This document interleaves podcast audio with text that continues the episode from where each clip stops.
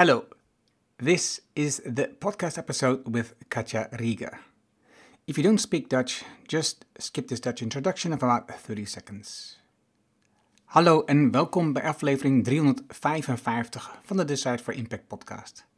Waar je leert van ondernemers en ondernemende mensen die bijzondere resultaten bereiken, welke besluiten ze genomen hebben hier te komen, wat ze doen, de strategie en hoe ze klanten krijgen.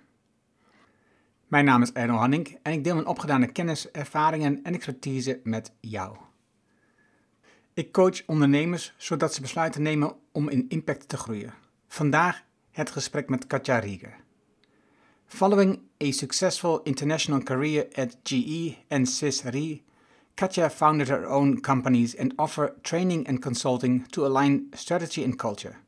Her experience allows her to create credible and sustainable change inspiring leadership and productive environments that are great to work at. She knows how to use the powerful impact of purpose, culture, and leadership to achieve challenging goals even in volatile, ambitious situations. Risk is daily business for executives and boards. She helps create the environment and the structure how to make the best decisions that take both short term opportunities and long term sustainability into account.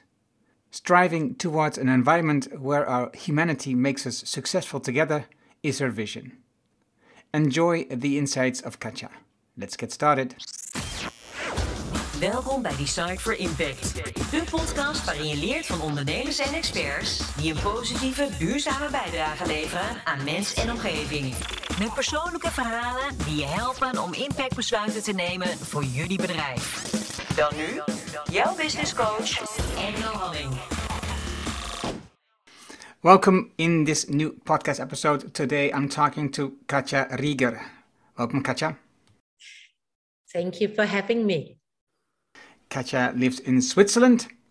She's been living in several places all over the world. Uh, we will come to that later on, hopefully. And you are now the founder of two companies, Ripple Effect and Exponential. That's correct. In Ripple Effect, you talk about that you can create a ripple in the world with just something small. What is it? Because you have been working with two large companies before in, in the financial and insurance uh, environment, and we will come to that later on. But what is it that you want to create ripples in the world? Mm. Well, I uh, did come from large companies, companies, and there you're a little bit a cog in a machinery. And uh, one of the reasons for me to step out was to make an impact. But then I realized that I cannot change people. I can just leave a kind word, give a suggestion, maybe give a training, maybe advise and coach a little bit, and let them choose to change and which change they want. So the picture I always had is of, of waves. They may be small, but they never end. They go on and on and on. And I don't know who they finally touch, but touch they will. Um, well, I remember when I was younger, maybe even when I was older, with my own kids, um, you try to skid a um, stone across the water, you get these ripples, but the ripples do end at the end of the water. How do you see that picture? Uh, so, so first of all, um, the the way I kind of see it is philosophical. Obviously, the further away it gets from me, the number one less control I have, and number two, most likely it will, the ripple becomes less. Um, so the ending is not a concern because it is a, a constant role modeling, a constant behaving in the way I want to see my world. And I will touch some people, a lot of them I won't even know about it. But um, just to use another example, there's this beautiful movie, um, it's a Christmas movie. Um, about a person who's so desperate because his life is so bad. And then an angel does him a favor and shows him the world, how the world would be if he wouldn't have been. And the point is, we all leave ripples, we all make an impact. it's our choice if it's a good one or a bad one, because we do often inadvertently we, we cause harm and hurt. There's no question about it. But we can choose very consciously to do more good than bad. I, I, I see your point, and I also think you say I want to make an impact. What is it? How would you translate? How would you describe making an impact? That's a good question, and it changed the more I thought about it. When you're younger, you want to make a big splash. You want to be known, and there's quite a bit of ego in it as well. And the more you mature, the older you get, and I do have the gray hair to prove it, the more you realize that it's not about the big splash. And it's certainly not that helpful if it's ego driven, you know. And like, let's be real, we all have to a certain amount ego, and let's not be too harsh on ourselves. But the motivation should be that we believe in something, the being good to others, you know, and um, it can be something really small, which I now believe.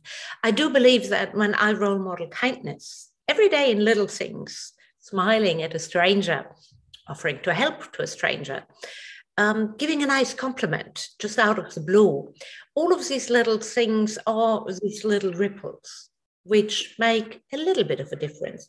And it's more the steadiness and it's more the habit that I built that creates the larger impact over time. I hope, anyway.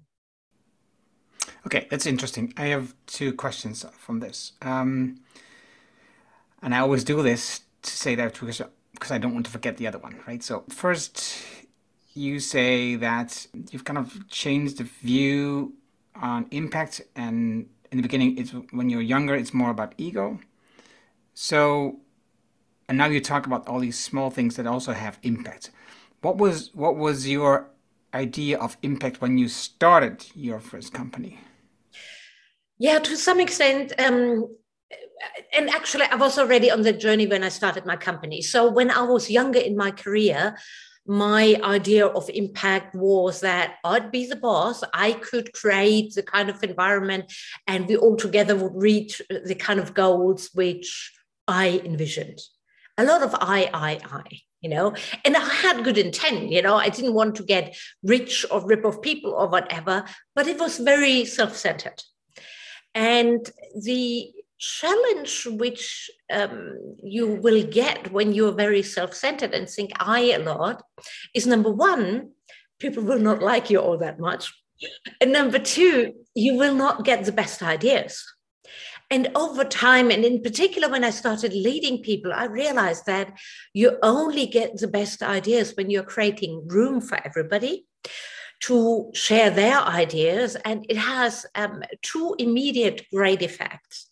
One is everybody who shares their ideas feels a little bit of ownership for the end result.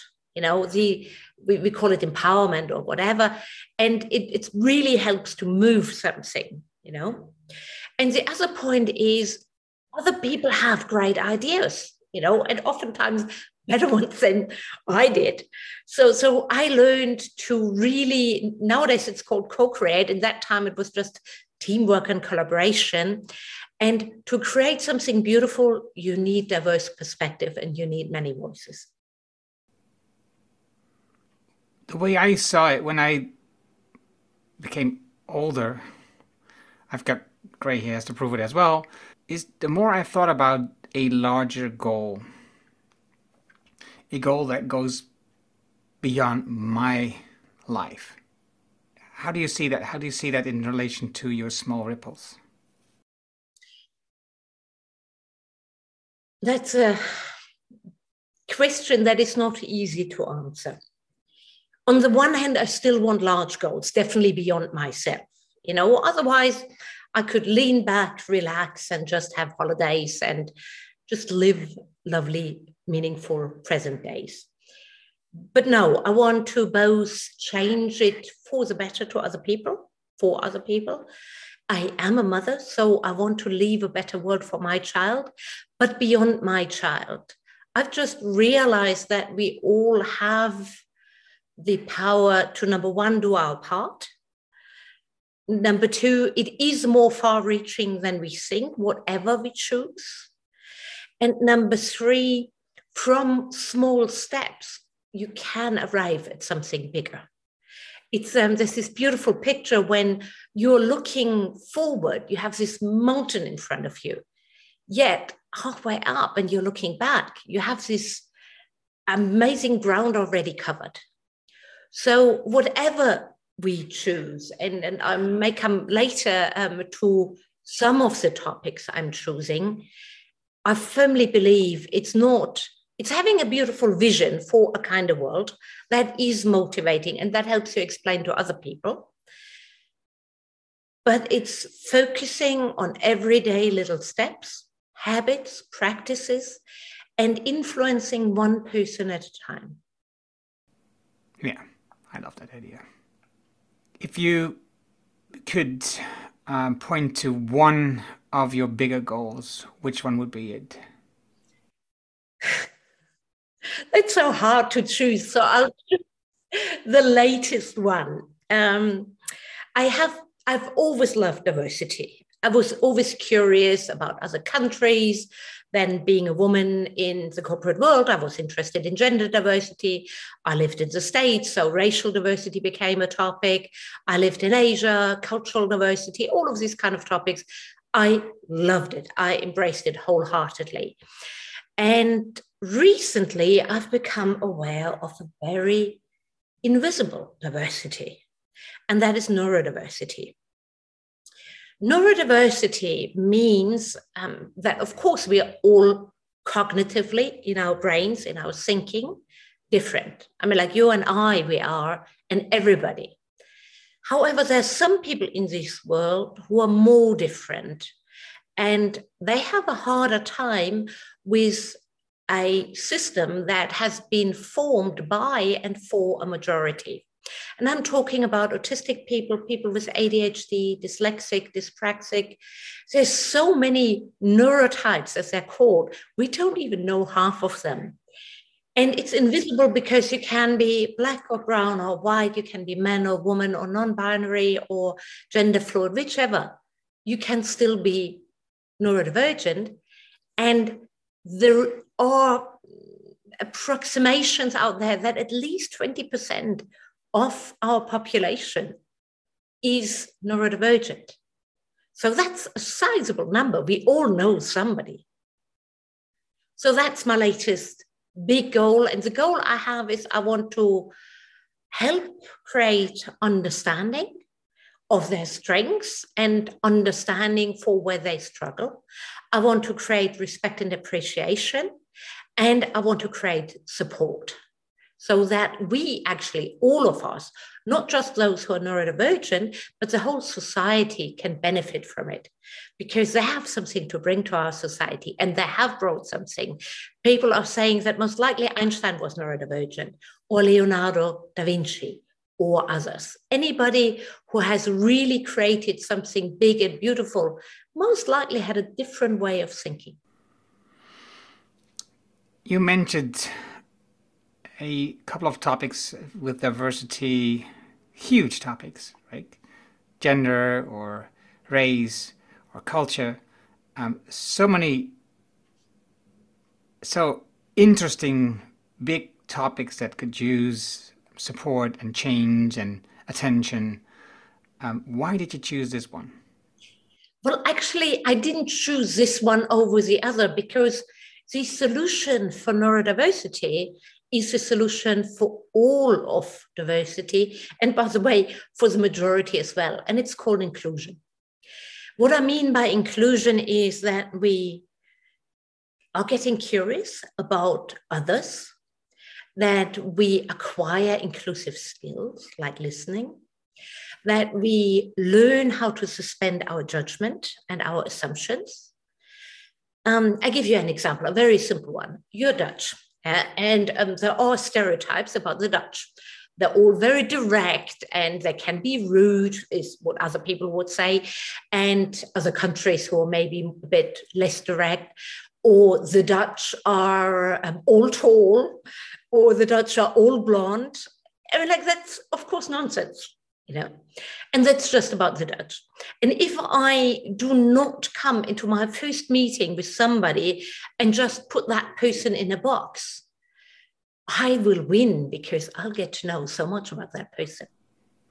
But it's that's that's hugely difficult to do because putting people in boxes is just um, part of our nature, I would say, um, because it's it's easier for our brain to process people to see if they fit us, if if we fit in their community or not, if we are able to survive with them, or if we uh, because we need to find a group of people that we can belong to. If we don't belong, we've got an issue. That's how we've been, you know, that's in our hormones or not, not hormones, in the, in our genes, and um, so so and I agree, to be clear, I agree with, with what you're saying. I agree that it is important that we we do this. We postpone our opinion, postpone the idea of putting people into boxes, but it's so natural. How do you do this? So, first of all, yes, you're totally right. This is evolutionary wired into us because it was a matter of survival when we were still small groups defending each other against enemies, threats, and whatever. And we needed to find our in group and we needed to help that group prosper. By the way, languages are derived from that too, because languages help us understand each other in the in group and exclude the others. However, we're not living like that anymore. And the good news is humans are aware you know, there's a lot of things which animals, for example, do better than we do. But this one aspect about our awareness is a huge chance for us to decide consciously to do differently. And I'm not saying it's easy because the way our brains are wired, indeed, it's shortcuts, it's quick decision making, and so on. However, we already know how to do it. And now it gets back into steady steps and a certain way um, to embed our new behaviors. So eventually they become habits. And if you've um, read The Power of Habit, for example, uh, Charles Duhigg didn't invent it, he just tells us about it, and it's from science. A new habit is formed when we become aware of the three sums. There's a trigger, for example, me need, meeting a new person. Yeah? That's always a trigger for me to react. And now I know that consciously. Then there is the behavior. The behavior is the judgment. Yeah? I see the new person, I straight away put that person into a box. And the gratification for me will be feeling good because I was right. It's a self fulfilling prophecy because if I put a person into a box, a good box, I will like that person regardless if that person is likable or not, because that's the kind of data I will then perceive about the person. If I put the person in the bad box, I will be right too, because that's just the data I will look for. So I get this gratification, the um, reaction in my brain that, ha, I was right again. But now that we know it, we can break that cycle. And we can't just get rid of old habits or acquire new ones, but we can replace old habits. And this is what we can do steadily and with a lot of patience. You've been working in these two large companies, General Electric and Swiss Re. Do you see a change of how these organizations um, handle inclusion? Yes, of course. I mean, like these organizations are made by people and people learn. Um, I do see still a danger uh, because a lot of these big organizations in particular, they use a one size fits all principle very often.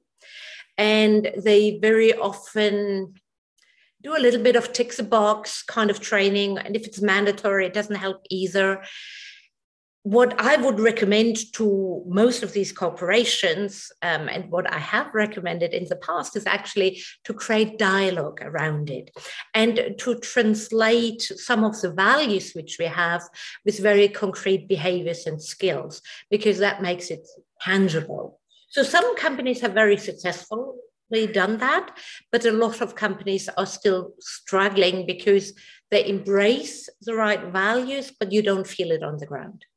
Hmm. You talk about strategy and culture. That's what you do in your consulting and training for these organizations. Is inclusion part of your training as a part of culture, cultural change, cult, improve the culture? I will give the client what they're asking for. However, I know that inclusive behaviors are some of those keystone behaviors for success. So, if they're not asking me for a D&I strategy, of course, I'm not going there and giving them one, but I will invite them to into discussions. I will raise certain topics for them to talk about and explore. I will invite people from the out groups within the company to share their perspectives. And by the way, that has very rational reasons too. Amongst other things, I help them with their risk culture and their risk awareness. And one of the biggest dangers for risk management is our blindness to certain risks. So when I create inclusion for people to raise their voice or their concerns. I don't create it, but I create the environment and the skills and the space. Then suddenly, leadership hears perspectives which they may not have heard otherwise. So there is a real business driver for creating safe, inclusive environments. So to some extent, it will be in most of what I deliver to the client if you look at the um, magnitude of the problem that you are trying to that you are helping to change right? To help to get awareness for. And i think about the other problem for example that you mentioned um, the inequality in sex and how we how it's still embedded in organization why females still make less money uh, percentage wise, um, this topic has been this female topic, for example, this sex topic has been been talked about and trained on for I don't know a couple of decennia now, probably. And it is changing, but it's still long way from at the right place. We can see many places where um, when there's once there's more women in the workplace, they tend to make a lot less money. How do you think you can make a success of not just you, but in general uh, on, on this inclusion? There's two of my other passions which really help on that journey. One is transparency. Transparency is beneficial for any organization, and I'm talking any kind of transparency transparency to talk about risks or concerns, transparency on payment, on you know, like salaries, transparency on goals. You know, I love companies who share where the CEO shares his uh, MBO, you know, his management by objectives, his goals. So transparency is really, really a good way to create the status quo. And then a lot of people actually don't like unfairness.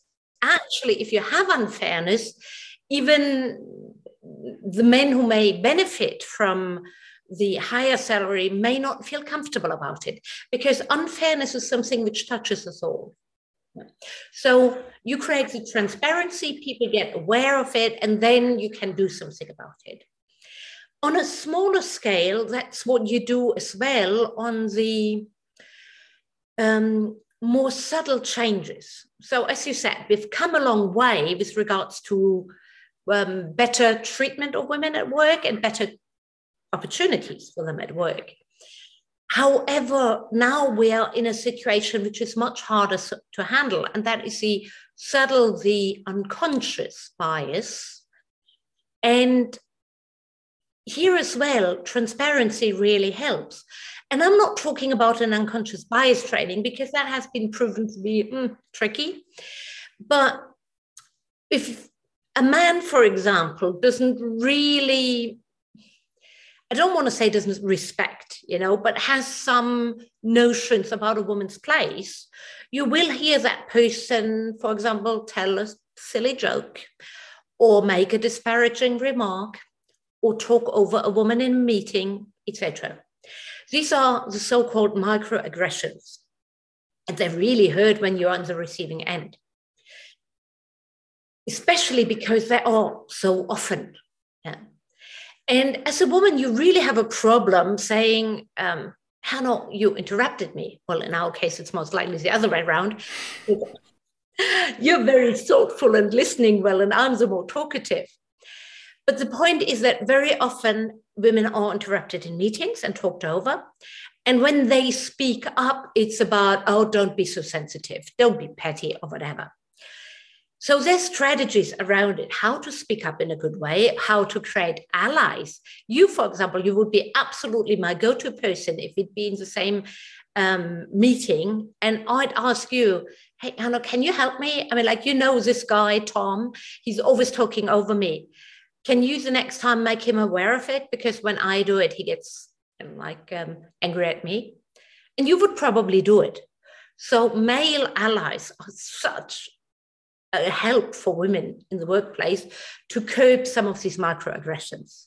And it's not a big deal, but what is important on microaggressions is that number one, you do it immediately when it happens. Okay, if you don't want the person to lose their face, you do it immediately afterwards in a private setting. Number two, you don't do it angrily, you know, you do it rationally, factually. Yeah, you don't make a big deal out of it because it was a microaggression, but you still need to speak up about it. So transparency is a really, really big help for combating some of these injustices.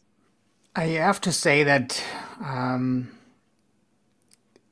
I think I I handle this in two ways a little bit differently. So, first, um, in general, I try to give women women the advantage. So, whenever I have something to do, have a job, or have something, I will actively look for women.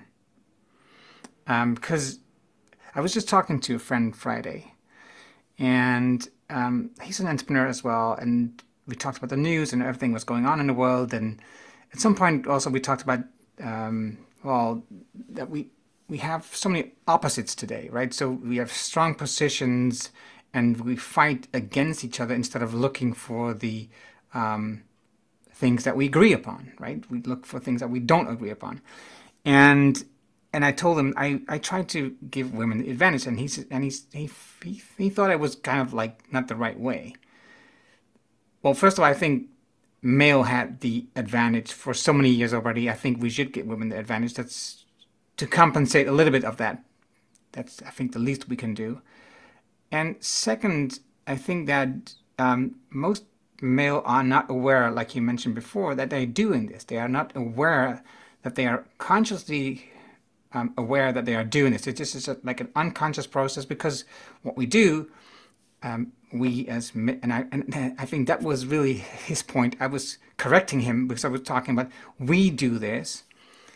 He says, no, no, no, no, no, no. I, I don't believe we do this. It's like 20% of the No, we do this as male, as white male. We are the same. We look for each other. Um, you, as I, probably have like 80% of our network is male, white, um, right? So we have people that look like us that we look for, and we can actively look for people that look different. And so, so that's one part. But the other part as well is, like you mentioned, if you if you are in a meeting and you ask me to do this, I might do it, but I also could be afraid to do this. I am also a very careful person who don't want to um, brush against the feathers in those kind of situations. So I, I I'm not sure if I could I could do it. I maybe I think I've improved over the years, but I still could be very intimidated in these kind of situations to take action. So um, for me, it's easier to take action in the ways that you know that um, well for the future. I'm not sure how to how to make the difference but you understand my point hopefully Yes, I can, and I give you a very quick um, tip on the latter one, on the on the microaggression and the speaking up, and then let's address the future because I, I, I like what you said, and I can expand on that too. So the quick tip on the microaggression for anybody to speak up is practice before. It, it really, really helps. So if you have one sentence, one quick sentence, you know, and by the way, the most innocuous sentence, which, however, still makes the other person think, is what do you mean by that? You know, so when somebody makes a stupid, inappropriate joke, you know, take it at face value and say, what do you want to say with that? What do you mean by that? That is a flag there. It doesn't hurt anybody, it doesn't leave anybody like feeling defensive and again, that's important. We don't want to have anybody feel defensive. And there's a couple of other things because most likely you know the person who's going to interrupt, you know how he's going to interrupt, who is going to interrupt. So just practice it beforehand and then just say it casually and then move on. You know, don't don't. Now the future thing. So I really like what you do. And I do think it helps. And the argument which you could actually bring is not just that it's fair, because men had the advantage for many years, now it's time for women. It's actually good for you, it's good for the business. So, um, a couple of things, and we shouldn't just say that all women are the same and all men are the same, but diverse perspectives in general, you know, and, and other things come in, demographics, you know, somebody without a college degree, age, have a young person speak up, have an older person speak up. All of these kind of things are good for decision making. So it's not just about fairness, even though that should be enough, but it is about coming, in particular in the exploratory phase, to as many inputs as possible. Secondly, a lot of women, not all, and unfortunately, some of the wrong ones are somebody sometimes promoted to the decision maker roles because organizations look for a culture instead of looking for the skills. So it doesn't help us women when the woman who is getting promoted is as toxic, if not more so, than some of the already existing managers, you know? Um, what we want actually in leadership positions are people with emotional intelligence, and there are men and women there. However, again, evolutionary, women had to learn it more than men because men had their strengths. You know, men had the system speaking in their favor. So women understand nuances and they often know a way how to speak up without putting the other person on the spot. And I've observed quite often that in very senior groups, it is the woman who's like summarize and gets all of the opinions together when it's like one against the other, you know, and brings them back together into the dialogue. So there's so many advantages of having different styles. And yes, sometimes they're gender driven, and different skills in your decision making body. I, I was I'm reading I wasn't I am reading the book Autokorrektur. It's, it's a it's a German book by Katja Diehl. Um, and it's not about auto corrections um, in spelling. It's about correcting the idea of the car in society, and it's it's a very appropriate topic for Germany because it's a very uh, car-driven society and has a lot of car manufacturers. Um, so she's up against a lot of forces in Germany. Um, but the thing that I like about her book, and I thought was interesting and opened my eyes on some points when we talk about um, female inclusion, is how um, smart, in, a, in, in not the right way, they have created the way we organize um, the city the outer city where it's necessary to have a car, and especially when the woman is responsible for taking care of the children, and the man is just going to town, to the center, to work, and comes back in the evening. But the woman has to, you know, take the kids everywhere and needs to see a doctor, and the doctor has moved away from the smaller areas, and and I thought, yeah, that's that's just it's just weird that that it, this has evolved in such a way that it's so um, invisible if you don't see it. And I thought that was a really smart point of this book. Um, that you know, the way that we look at the car and the way that we look at it's created mostly for men, and that's interesting. So if you look at your topic on um, intelligence diversity, how do you see that is the way that the uh, the the systems are set up today? Um, does it make does make it very difficult to see that it's it's not set up for those twenty percent. It's very true, and there is um, something uh, very true to what we said before. Systems there were no not a group of like shady men um, developing the system with the intent that it worked out that way. All systems have a way to reinforce themselves. You know, that's just um, wherever you look like. And it's very hard to break out of it. It does need deliberate action and alternative offers. So, with the car, for example, we need public transport, better ones, you know, just to have an alternative and you need enough i mean like it's not just the alternative but you need to create the acceptance and change etc now for the uh, topic of neurodiversity the very first barrier are the schools. Unfortunately the schools have been designed in the industrial age.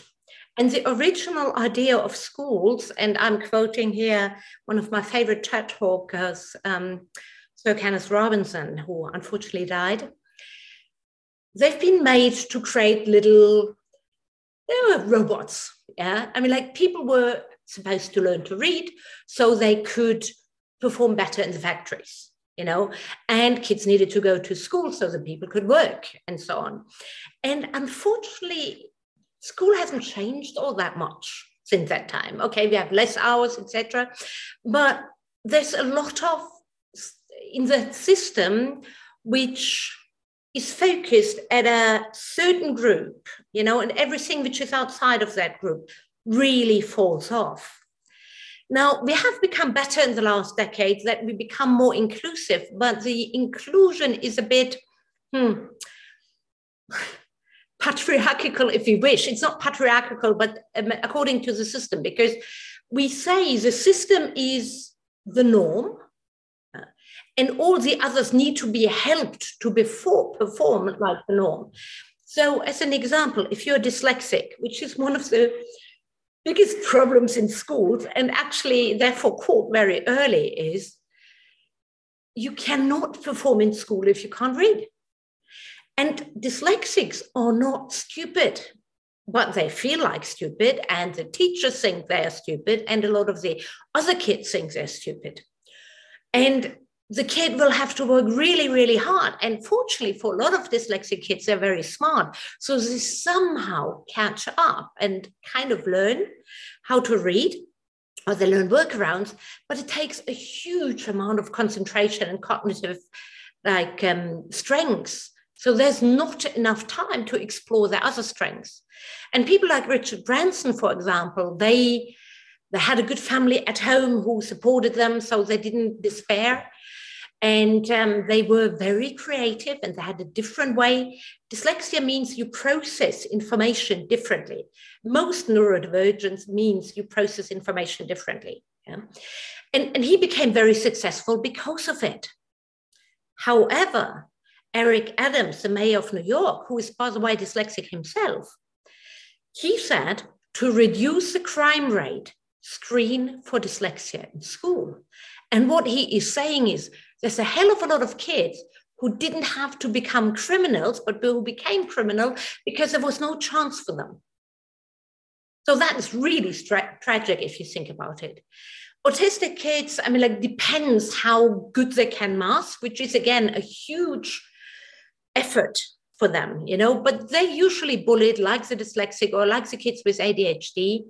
And it makes school hell for a lot of them, which means when they're getting out of school, most likely they don't have the grades to get the great jobs, etc. So it's a it's a perpetuation of the system which prefers the norm. You know, I'm not saying normal because neurodiversity is normal, differences are normal. And um, it does continue at work. And what we can do is we can create awareness that it's not stupid. We nowadays, why would you have to learn to read when the computer can read to you? Why would you have to learn spelling when the computer can help you? So once we recognize that there's workarounds and we can focus on the strengths and we can give those kids accommodation or later at work accommodation. And then we can finally benefit from their pattern recognition, from their different problem solving, from their very high work ethic, etc. I, I, was reading another book which is in Dutch. Um, it's called The Meetmaatschappij. It's about the measuring um, environment. It's not environment, but anyway. Um, and it, the, the, author talks about the way that we want to measure more and more. And the moment you start measuring things, you put things into a number you lose a lot of information. And um, well, in the schools in the Netherlands, we have what we call the CITO score at the basic, at the primary school. And th they are doing several tests during um, the eight, first eight years. And then there's the final test. And then there's the opinion of the teacher. Those three together, and also, of course, the opinion of the parents. Those three together determine what the next school will be uh, where the child is going. And by putting a child into a number um, so that you can compare it to other children, seen suddenly you make apples comparable to pears, right? You, because you put them both into a number. Like if you say, on average, an apple tastes like a four, and a pear, for most people who enjoy pears, also tastes like a 4.3, right? So then you can see, oh, now you can compare apples and pears, but they are completely different fruits. And you may not like them or you may like them. So I think that those the, the whole idea of, of trying to measure every, everything, even though that we love doing this as a person, as a individual. We love measuring stuff and we love comparing ourselves to other people to see if we advance faster, if we become better, better faster, if we finish earlier. There's so many things that we love um, measure and compare us with others. But there's also a couple of things I think, like school, um, it, it looks like it's necessary if you want to build a school with so many students or pupils or people. Uh, but it just ruins everything. It just, like Sir um, Chris Henderson said, it, it just kills creativity, right? So, what do you if, if i was thinking about this transparency thing, right? Um, in the Netherlands, I've read about tests where they we don't have a photo on the resume. You don't have a last name on the resume, not even first name. So you can see the gender, you can see culture, where they are coming from. You can see all these things that um, people use in an instant to put people into a box. Um, do you think it would be a good thing or a bad thing to put on what neuro perspective you are? That's a good question. And actually, LinkedIn allows you currently, at least with dyslexia, because of Richard Branson and Kate Griggs and all of them, to list dyslexic thinking as your strengths. And it is a strength because a lot of famous architects, you know, um, actors, um, entrepreneurs, um, Nobel Prize winners have been either dyslexic or neurodiverse or whatever. So dyslexic thinking is currently a strength in LinkedIn, and LinkedIn is pretty powerful. There's more and more people who are coming out with their autism as well. And uh, there has been more and more research and that there are very often strengths correlated with it and as well it's very obvious that you can then ask for certain accommodations so what a lot of people do is they put the au after their name you know so more and more people are coming out with it which helps but let me go back a little bit to the question of numbers i'm not against numbers actually but it's intellectually lazy to let numbers make the decision for us. Yeah? Numbers are good approximation. They can help us uh, measure ourselves to get better. Um, they can help us make a rough comparison. I mean, like it, it's really helpful.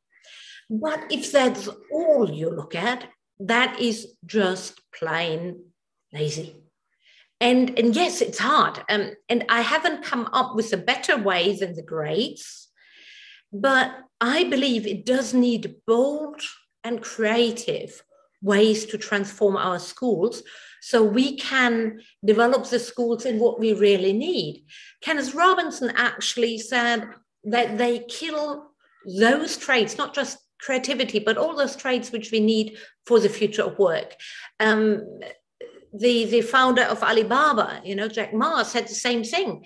We can't compete on knowledge, which is currently what is graded at school.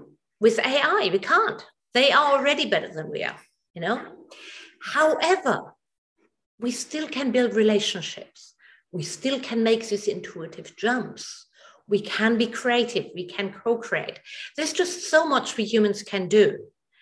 So um, and yes, it's impossible to put a number behind a ability to build relationships. But when you go into a company and you ask around, well, who are the people you respect most? Actually, most people would not name a handful of people. So somehow we know, even if we don't give them a number. I'm not sure if I understood the last part about the respect and the number part. So respect is hard to measure. You know, um, it's it's like creativity. It's hard to measure. Okay. Yes. Yes, and the the point is we still right. Know- I got it. Yes. I got it. So yeah, yeah. So respect is hard, respect is hard to measure. So you don't you can't just put a number on it, but um, we we know by by interacting with people if we, if we respect someone. I got it now. Thank you do you think it would help in the just to come back to my question sorry in the in the um, hiring process if we would list that we belong to the 20% or would it be uh, causing just more rejections currently it would potentially still cause rejections because we're not far enough with um, awareness and appreciation I personally, but I'm very independent now, is I would always list it because that's part of me. And I want the people to get the real me and not me coming in and then struggling afterwards. It's a judgment call. I'm not sure if our companies are ready yet. In some countries, um, you could actually use it in UK, for example. They have a very strong disability act, and a lot of the neurotypes they are very often um, a disability as well. And therefore, you may have a protection against discrimination, for example. So, so it's country specific, it's company specific, and person specific. If if you because um, General Electric was the first company, that, uh, the first large one that you started working for, right, into the insurance world. Um, if you would go back now to that company, what would be the first thing that you wanted to change there? Well, the General Electric of that time is not the General Electric of today. So I'm thinking of the old company, um, which I joined at that time. I fit in really, really well. They had the what they called the 4E. And it was like energy, execute, extroversion, edge, something like that. And while it suited me, it was very narrow. They called it in MBTI, they had the the ENTJ or the ESTJ. Those were the people they looked for. And I would tell them, no, look for diversity. There's some great people who are introvert, get them. You need them for balance. So that is what I would change. Right. What is the most asked question for you in your current work that you do? From companies, obviously. Yes. Um, so it's, it's most asked question is actually, well, how can you measure culture or how can you create culture? How can you measure culture? That's an interesting question. Well, it, it's more how can you measure that you're making progress? Yeah, no, I, I got I got it. But how can you measure that? That's that's a kind of uh, that's that completely um, aligns with the things we were just talking about, right? It is. It is. How can you measure a culture? And how do you also how do you know if you're making progress? That's also a, a kind of a weird question because I think a culture is created by the people that work there, right? So, of course, you could have really toxic culture, but in general, I, I believe that like 99%, maybe maybe 95, or I'm not sure, but of the companies have a normal culture, right? Not not toxic. What I mean. And talk and, and a culture is created by the people. So Yes, but imagine so uh, the situation I sometimes face is there's a new CEO coming in. He is tasked with getting the company to move a bit quicker or more customer centric or more agile or what have you. You know, there's always a goal there, which uh, usually new CEOs have. Or there's a merger and acquisition, and there's two different cultures, you know. And what I really like is when I do work with the leadership team who actually realizes God, we have to work on culture. It's not just something which is, I mean, like it is, but there's something we can do about it very deliberately. Yeah. So when um, I'm called, I, I do work with um, companies or with leadership teams or CEOs who actually already know um, there is a status quo and it is a culture, and I am envisioning a different kind of culture, which is going to be beneficial for us in this day and age to achieve whatever goals. Yeah. And um, you can measure approximately culture. You know, I mean, like you do it with surveys, for example. You ask some people qualitative surveys, but um, some. I have a, I have a questionnaire which I use. You know, which I walk through a company. I don't even ask people questions. I just observe things. I observe open door, closed door. I observe do people talk to each other? I observe do they get together casually or is everybody in the office? I observe are people smiling? And of course, I'm taking culture into account. You know, there's just so many things which you can notice when you walk a place, obviously pre COVID. There's even things which you can notice when you are in a Zoom call. Yeah. So there's a hell of a lot of things which you can put down and then um, come to a conclusion. Not a number, but to a conclusion. But because I'm working very often in a numbers driven environment, I can give them not a number on a scale one to 10 or whatever, but I can give them certain aspects, yeah, where they score high and certain aspects where they score lower. And that gives us a focus area to work on. Psychological safety, collaboration, um, decisiveness, you know, and it depends sometimes on their needs as well. Right. Well, Katja, I think I can ask you still a lot of questions and learn so much more from you, but I also have to be thoughtful about your time. So thank you very much about talking to me about well diversity in general, inclusion in general, but in particular neuro um, inclusion. I think it's a really interesting topic, uh, which I haven't thought, haven't given much thought to. Although my daughter has like a um, tendis, uh, a small type of dyslexia. Like I said, because when they in the school, they at some point asked us to do like a test on this part. And I said, no, I don't want to do a test. I don't think it is fair to put a label on her saying that she's dyslexic and that's why we can treat her differently. Um, later on, she did get a note saying that she was like a type of small um, dyslexic, therefore, she got more time on tests. Other than, than that, she didn't get any other treatment, specific treatment in school, which I think was really important to me for sure.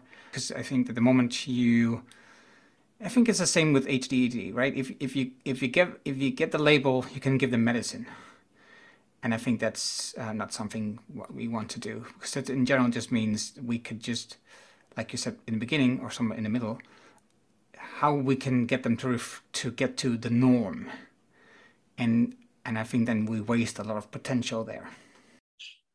That's another discussion which we have to have because you wouldn't expect somebody in a wheelchair to go racing. So expecting somebody with dyslexia to to read an essay out loud would be just as unfair. And um, how you you deal with it is a very individual perspective. But I realize what you want is opportunities for everybody and a fair treatment for everyone. Yes. I'm fully with you. Thank you very much, Katja. Thank you too. It was lovely talking with you. You asked very good questions. Oh, thank you. Dat was het mooie gesprek met Katja.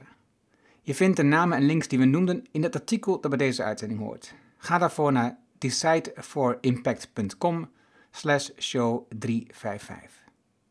Wil je vanzelf automatisch de volgende aflevering van deze podcast op je telefoon? Dat kan heel eenvoudig. Als je een iPhone hebt, dan zit daar standaard de Apple Podcast op. Open de app, zoek de Decide for Impact podcast op en klik op abonneer. En zet ook het vinkje aan dat je de aflevering wilt downloaden, anders heb je ze nog niet. Heb je een Android-telefoon? Installeer dan eerst bijvoorbeeld de Player FM app. Zoek daarop de for Impact podcast en klik op abonneer. Dankjewel hiervoor. Heb je een vraag, opmerking of reactie op deze aflevering van Katja of op de podcast in het algemeen? Stuur dan een e-mail naar podcast@decideforimpact.com en ik hoor super graag van jou en ik lees iedere e-mail. Wil je meer impact, meer resultaat, meer effect van je werk en meer effect voor de mensen met wie je werkt?